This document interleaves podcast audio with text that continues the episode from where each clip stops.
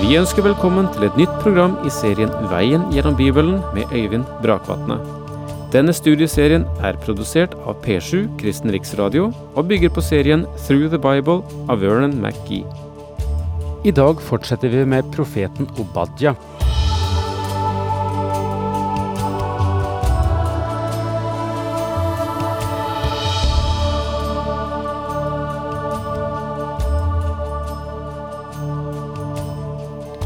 Velkommen tilbake til denne korteste av Det gamle testamentets bøker. Her eh, har eh, forfatteren sannelig ikke brukt eh, særlig mye spalteplass på å fortelle om seg selv. For alt vi vet om Obadja, er navnet. Og det står bare i åpningen av boken 'Dette er Obadjas syner'. Men selv om vi ikke vet mye om forfatteren, og selv om boken er kort, har den et intenst budskap, og et vesentlig budskap, fordi at den sier noe om Edom. Og Edom peker tilbake på Esau, som var tvillingbror til Jakob.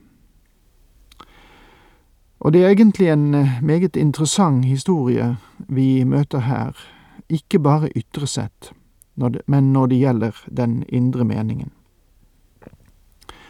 For saken er at Edoms linje, eller Esaus linje, har stått for ulydighet og forakt for det hellige helt fra den første starten. Og vi kan eh, selvfølgelig si at eh, går vi tilbake igjen til eh, grunnhistorien i Første Mosebok kapittel 25 omkring Jakob og Esau, og dette salget av førstefødselsretten, så kan vi på den ene siden si at Jakob var en luring som tusket til seg førstefødselsretten. Men da må vi samtidig på den annen side si at Esau brydde seg sannelig ikke mye om den når han solgte den for en rett linser, en tallerken suppe. Og saken er jo at disse to guttene bodde i en ganske stor familie, der også mor var hjemme, og der det fantes tjenere som kunne finne annen mat til Esau. Men han eh, sier jo at eh, jeg holder jo på å dø av eh, sult, sier han. Så hva betyr da en førstefødselsrett? Men husk, han hadde andre muligheter til å få seg mat. Det sto ikke om livet for Esau. Men dette røper at han ikke skjønte betydningen av, eller foraktet sin førstefødselsrett. Jakob er klar over det, og han ser hva førstefødselsretten betyr, for dette betyr egentlig at med den fulgte at han var familiens prest, slektens prest, og det fulgte velsignelser og særrettigheter med førstefødselsretten. Så han eh, gjør seg bruk av den anledningen han får, både til å eh, få førstefødselsretten, og dessuten ikke gjøre særlig oppmerksom på overfor Esau hva denne førstefødselsretten er, men få den under hånden. Og Jakob gir han villig suppe, og han sverger, og selger førstefødselsretten, denne Esau, til Jakob. Og så står det da, han spiste og drakk, og etter måltidet reiste han seg og gikk sin vei. Så lite sier Skriften, brydde Esau seg om førstefødselsretten. Altså, vi må merke oss at han solgte ikke sin førstefødselsrett fordi han var så sulten at han holdt på å forgå, og heller ikke fordi det ikke var noe annet å ete i Isaks hus, men fordi han fikk lyst på det Jakob hadde, akkurat der og da, og derfor var han villig til å bytte bort sin åndelige arv for en slikk og ingenting i det øyeblikket. Den mannen som hadde førstefødselsretten, sto i kontakt med Gud, og han var familiens prest. Han var den som hadde pakten fra Gud. Han var den som hadde forholdet til Gud, så faktisk sier Esau, jeg vil heller ha en tallerken suppe enn fellesskap med Gud. Og det er dette profeten Obadja tar opp når han forteller om Edoms videre historie. For ulydigheten og forakten for det hellige har fulgt Edom fra Esaus første tid. Og dette er også en illustrasjon til en stor sannhet for mange troende også i dag. Og den kan også være et bilde på kristne. En troende har to naturer i seg, og de strides mot hverandre. I Galatane 5 vers 17 sier Paulus, for vår onde natur står med sitt begjær ånden imot, og ånden står imot vår onde natur. De to ligger i strid slik at dere ikke er i stand til å gjøre det dere vil. Og dette er den troendes to naturer, den nye natur og den gamle.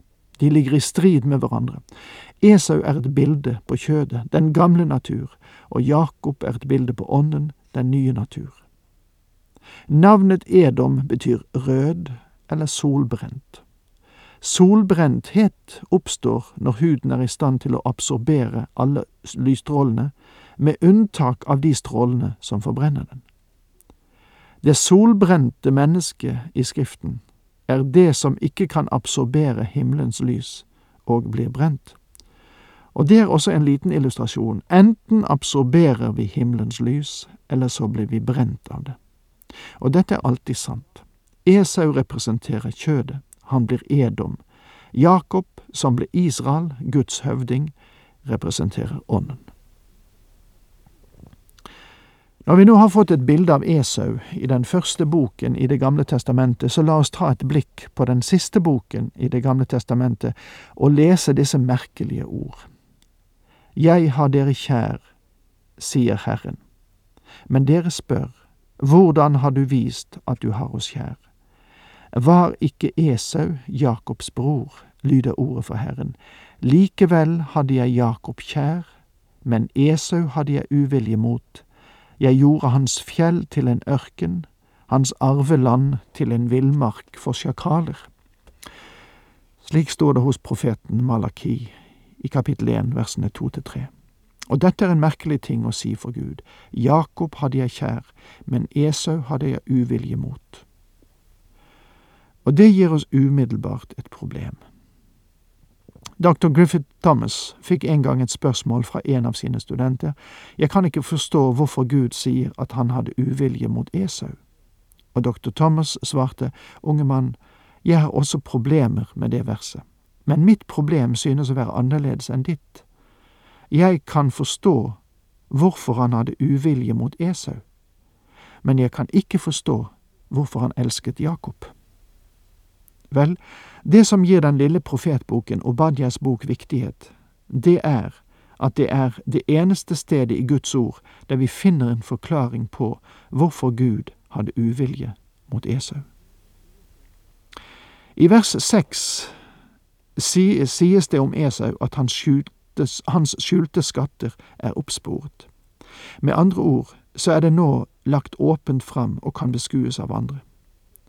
Obadja setter mikroskopet på Esau, og når du ser gjennom mikroskopet, så ser du Edom. Og det er ikke bare slik at Obadja fokuserer mikroskopet på Esau, men Obadja er Guds mikroskop. Og derfor inviterer jeg deg til å komme og se gjennom mikroskopet. Se, denne ene Esau han ble forstørret. Den ene Esau er nå blitt 250 000 små esauer, og det er Edom. Fotografen tar et lite negativ og blåser det opp til en stor forstørrelse. Han sier, Jeg forstørret opp bildet. Og Badja er det forstørrede bildet av Esau. Det er under denne forstørrelsen vi får se hvorfor Gud hadde uvilje mot Esau. Det som i begynnelsen bare var som en liten rød flekk, har nå utviklet seg til en dyptgripende kreft. Det som var lite i Esau, ble nå forstørret hundre tusen ganger i nasjonen Edom. Gud sa ikke fra begynnelsen at han hadde uvilje mot Esau. Han måtte vente til han ble et folk, og åpenbarte de forhold som fikk Gud til å ha uvilje mot ham. Og nå merker vi oss igjen det første verset som sto i Obadias bok, og det er der vi egentlig holder på, om jeg ikke har sagt det før. Så sier Herren Gud om Edom.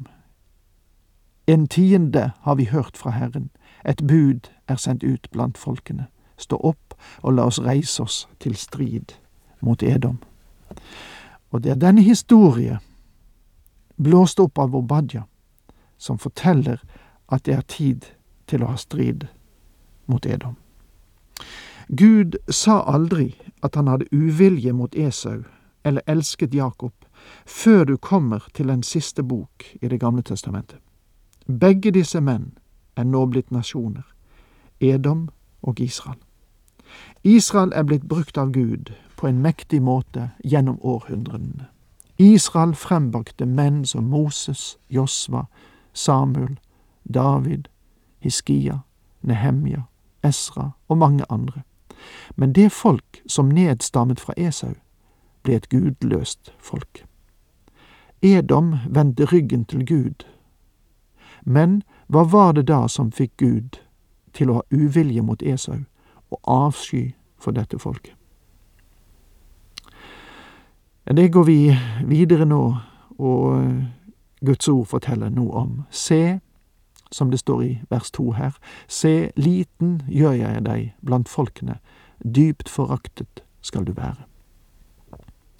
Dette store folket, for det var et stort folk, som vi skal se i denne boken, vil nå bli bøyd. Obadia fremstiller dette som en profet som ser mot fremtiden, men fra det punktet vi står i dag, kan vi se denne profetien fullbyrdet.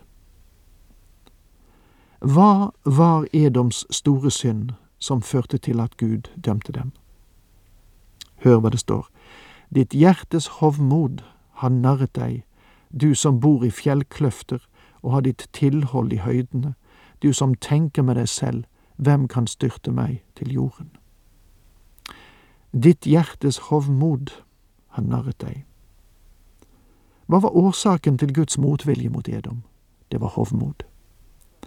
Jeg er ganske sikker på at når jeg nå sier det, så er det som vinden går ut av seilene på mange som lytter, de sier, er det alt?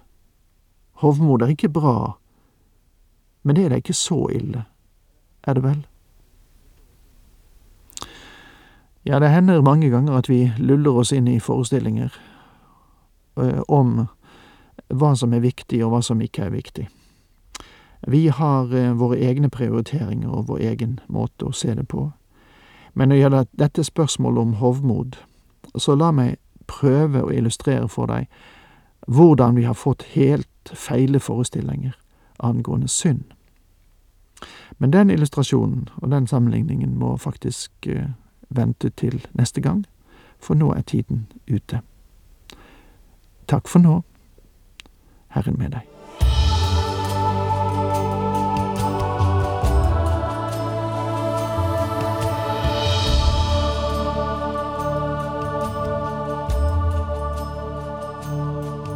Du hørte Øyvind Brakvatne i studieserien Veien gjennom Bibelen. Serien bygger på et manus av Vern McGee.